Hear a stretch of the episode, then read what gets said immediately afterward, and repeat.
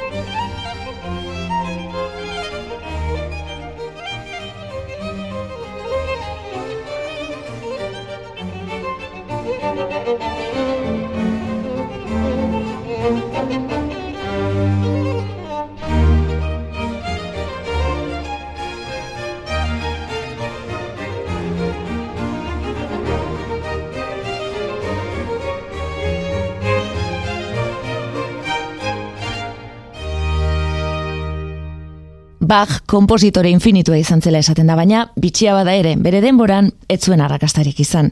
Interprete modura bai famatua izan zen baina ez musika gile gisa. Edo zein modutan egun merezi duen ospea eta errespetua ditu, entzun berri dugun biolin kontzertuanen moduko lanei esker, ederra, argia eta zaila garai berean. Andrew Mans violinistak jota entzun dugu, Academy of Ancient Music Orchestra zuzendu duena izan da gainera. Klasikoak EITB-en.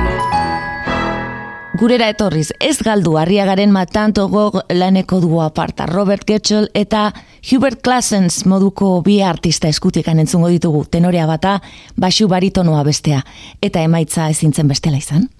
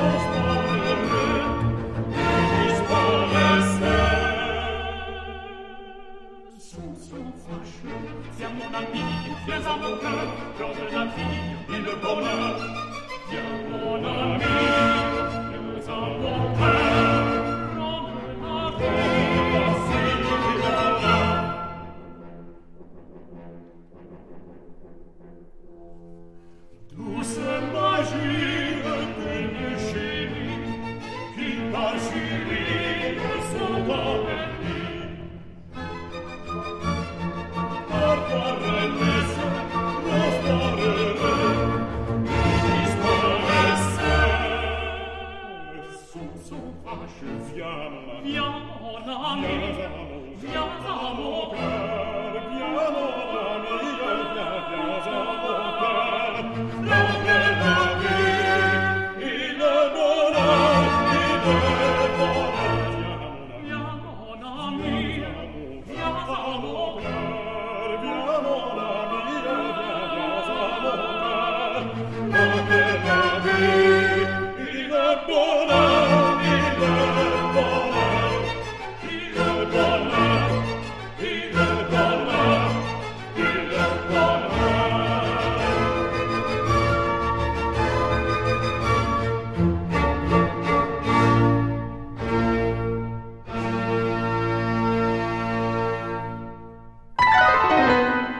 klasikoak eite ben. Zine musikan Italiako kompositore handiena gogoratuko dugu orain. Arriagaren tenore eta basurako duo eder horren ondoren, The Mission pelikularako Ennio Morriconek egin zuen doinu aztezina.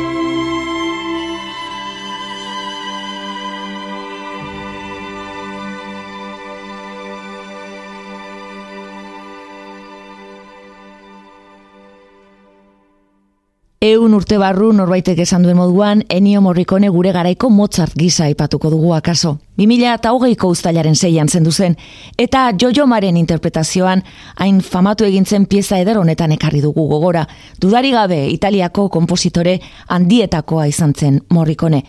Gabriel's Oboe entzun dugu batzuren ustez munduko txelistarik onena denaren eskutik. Klasikoak EITB-en. Jatorri txinatarrekoa bera joiomaren ondoren Pekingo Xianji Liu gitarrista entzuteko moduan gera. Joaquin Rodrigoren Fantasia para un gentil hombre.